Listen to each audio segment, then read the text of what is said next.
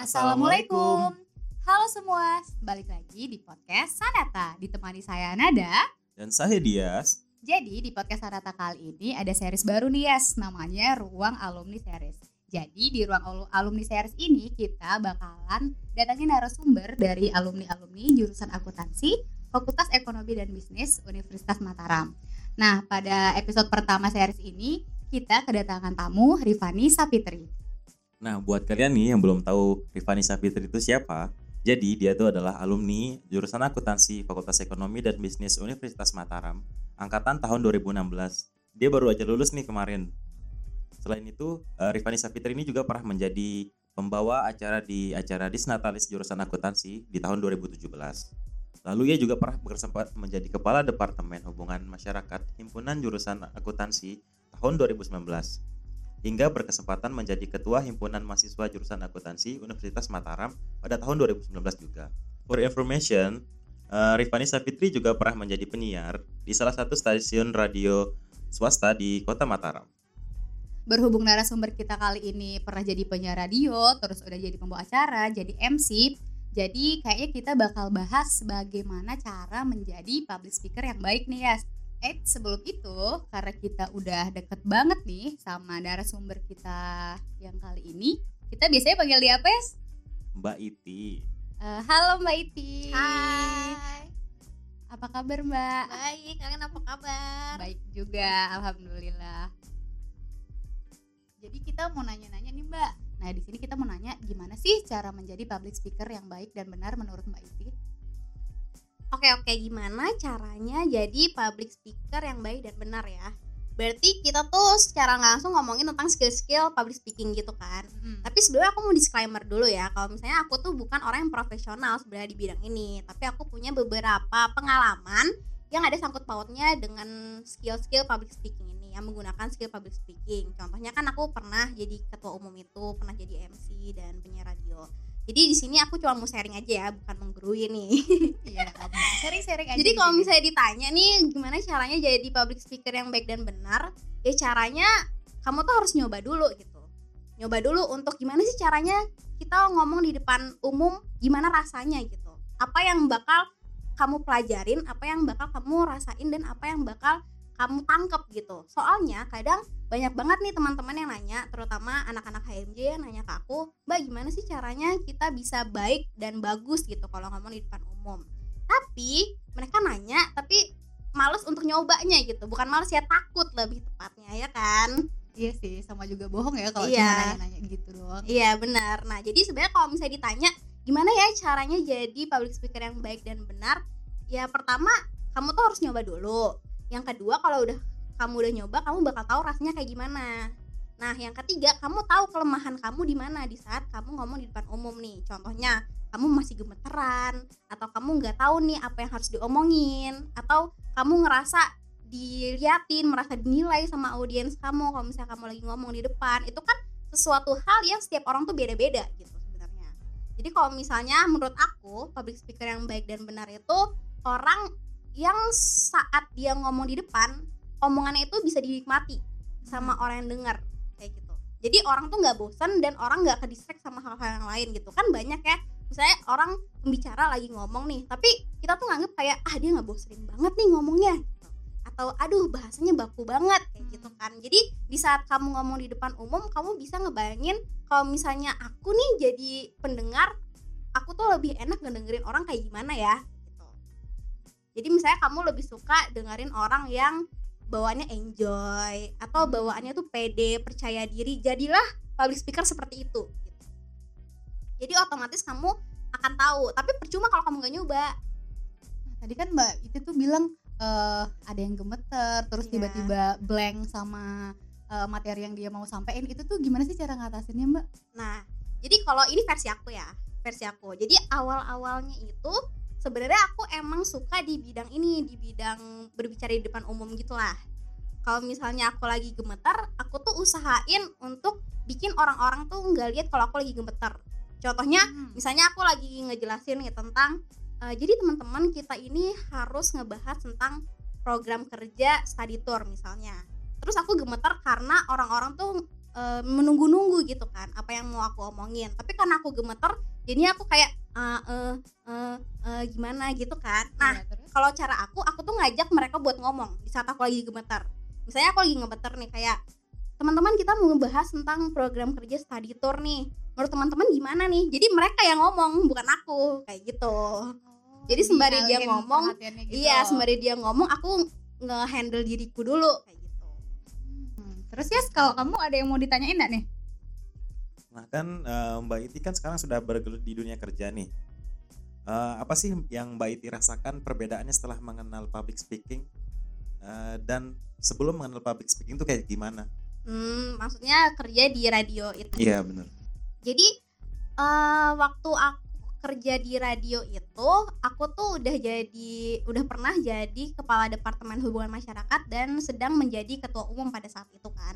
Jadi aku udah biasa untuk berbicara di depan umum. Cuman struggle-nya itu eh, bagaimana kita yang ngomong secara langsung sama orang sama kita ngomong di depan mikrofon nih di studio depan mixer itu tuh beda banget.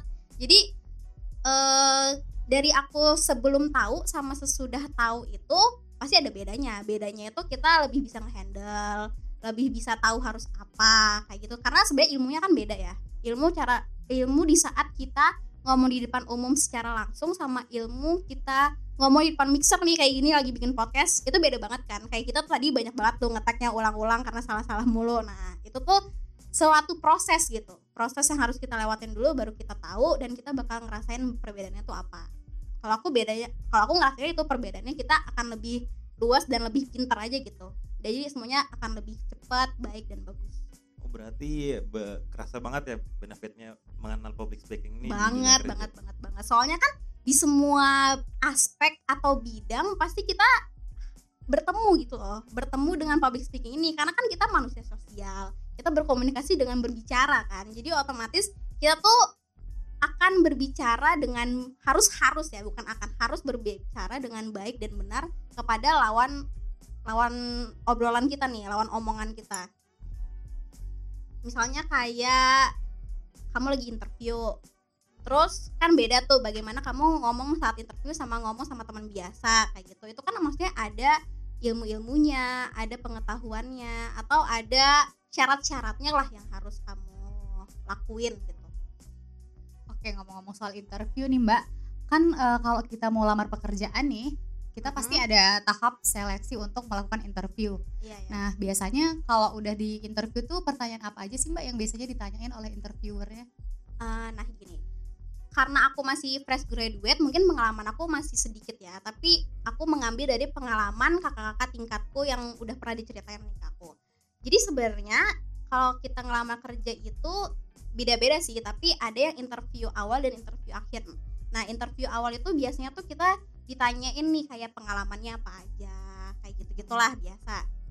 Biasanya tuh pertanyaannya kalau aku ya pas itu tuh aku ngelamar di suatu perusahaan tapi tinggi aku nggak cukup pada saat itu tinggi aku nggak cukup. Nah terus habis itu tuh aku tuh udah di di downin nih sama di apa pokoknya kayak dicerca gitu lah sama si asesornya dibilang kalau ini sebenarnya kamu kurang banget nih. Terus aku ditanya prestasi kamu apa? Terus sebenarnya kalau misalnya kita jawab nah ini termasuk public speaking juga ya kalau misalnya kita jawabnya kayak eh eh, saya pernah menang olimpiade kan gak meyakinkan kan? Gak Iya. meyakinkan gitu. Tapi kalau misalnya kita jawabnya kayak saya pernah menang olimpiade tingkat nasional juara satu dan saya mewakili kampus saya pada saat itu gitu kan maksudnya meyakinkan gitu tapi Dia kalau pada nadanya sombong gitu. Iya, belagu gitu gayanya. Tapi pada saat itu aku jawabnya prestasinya itu saya pernah jadi ketua umum. Ya, tapi itu salah satu eh, kesempatan Iya, yang iya. berharga sih Mbak menurut saya. Iya. Yang itu aku jawabnya pernah jadi ketua umum sama pernah jadi MC. Terus habis itu si asesornya langsung kayak tergugah gitu kayak, "Oh, berarti Mbaknya public speaker ya?" kayak gitu. Terus habis itu dia langsung melihat eh, ada value-nya nih orang kayak gitu. Walaupun tingginya kurang, ada value-nya gitu. kelebihannya. Jadi kita dilulusin di tahap pemberkasan gitu. Akhirnya bisa masuk ke tahap psikotes kayak gitu. Sebenarnya penting juga public speaking. Nah, tadi kan Mbak Mbak Iti bilang tuh eh, udah jadi ketua umum kan. Jadi menurut Mbak Iti tuh eh, apa sih benefitnya ikut organisasi waktu Hmm. mahasiswa sama Iya. eh, pengembangan public speaking kita nih? aduh banyak banget deh. Sebenarnya ya eh, public speaker ini atau berbicara di depan umum ini salah satu passion aku.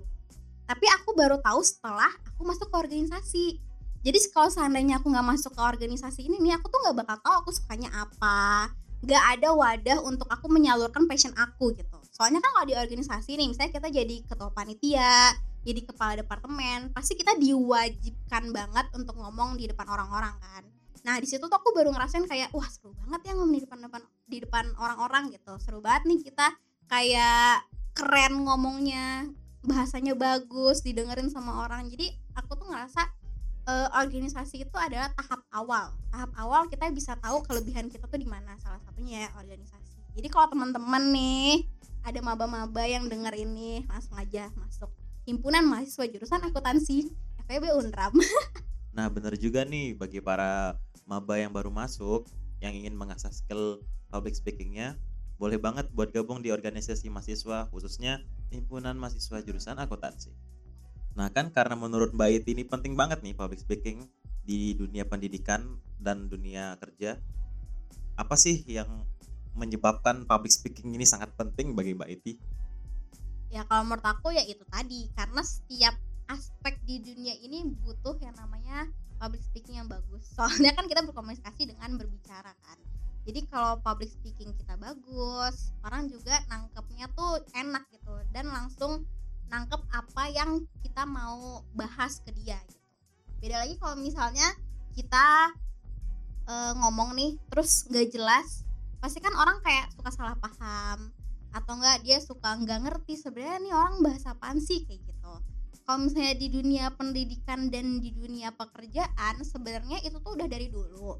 Cuman kayaknya sekarang lebih ditekankan aja ya. Kayak kan sekarang udah diwajibkan banget untuk presentasi. Ngomong di depan teman-teman kayak gitu kan. Kalau di dunia pekerjaan udah pasti banget kita bakal ngomong sama bos lah sama rekan kayak segala macam. Nah kalau misalnya kita eh, mempunyai skill gitu ya skill public speaking yang baik dan bagus kalau menurut aku otomatis value diri kita di mata orang-orang tuh akan menambah gitu. Kita kayak mempunyai karisma kita sendiri. Contohnya gini misalnya kita lagi ngomong di depan umum gitu presentasi lah presentasi tentang pelajaran di depan dosen di depan teman-teman. Kalau cara menyampaikan kita baik jelas pasti orang respect kita kayak mereka tuh mau dengerin. Tapi beda lagi kalau misalnya mereka tuh ngejelasinnya kayak dikit-dikit ngelihat powerpoint terus dikit-dikit ae ae pasti kan orang males dengerinnya kan? Kayak orangnya tuh kayak udah mendingan baca aja di rumah sendiri daripada ngedengerin dia kayak gitu. Jadi kalau misalnya kita punya skill public speaking yang baik dan benar sebenarnya ini enggak bukan sesuatu yang berat banget ya tapi orang kadang menyepelekan gitu. Public speaking ini tuh eh, orang ngiranya kayak oh jadi pembicara di seminar kayak gitu enggak kita ngomong sama teman aja sebenarnya tuh mempunyai apa ada Lagi skill. Iya, ada skill public speakingnya. Kayak misalnya aku ngomong nih ke Nada kayak, eh Nat, ntar kita kampenan yuk. Beda lagi kayak, eh Nat, ntar kita jalan-jalan ke apa tuh namanya? Eh, eh, ampenan, ampenan. Kayak maksudnya kayak, ah ya udah gitu. Maksudnya gimana ya? Kayak ada bedanya Iya, gitu iya, kan. Cara kita respectnya tuh beda gitu. Nah, karena kita udah di penghujung acara nih, eh, ada nggak sih eh, pesan untuk para pendengar podcast Sanata dari Mbak Iti supaya para pendengar kita nih bisa lebih pede lagi buat Hmm, public speaking? Kalau pesan dari aku, jangan takut untuk mencoba. Kalau misalnya kamu mau ya udah coba aja gerus gitu. Kalau misalnya kamu ngerasa nggak ada wadahnya nih, cari wadahnya. Contohnya masuk organisasi, aktif di kelas, banyak banget tempat untuk kamu mengembangkan diri gitu. Jadi jangan takut, jangan takut untuk mencoba dan jangan takut salah. Oke, itu aja Mbak Iti saran Iya. dan pesannya. Nah, bener banget tuh. Oke, eh, makasih ya Mbak Iti udah Iya. hadir di podcast Sanata kali ini. Sama-sama. Seneng banget nih bisa ketemu sama Mbak Iti terus sharing-sharing apalagi eh, yang kita bahas tuh penting banget ya sekarang public speaking gitu. Iya, thank you juga ya soal eh, maaf juga nih kalau misalnya ada salah-salah kata atau ada sesuatu yang tidak berkenan gitu. Gak apa-apa Mbak. Jadi, Makasih untuk para pendengar podcast Sanata kali ini. thank you and See you next episode. bye-bye. Bye bye.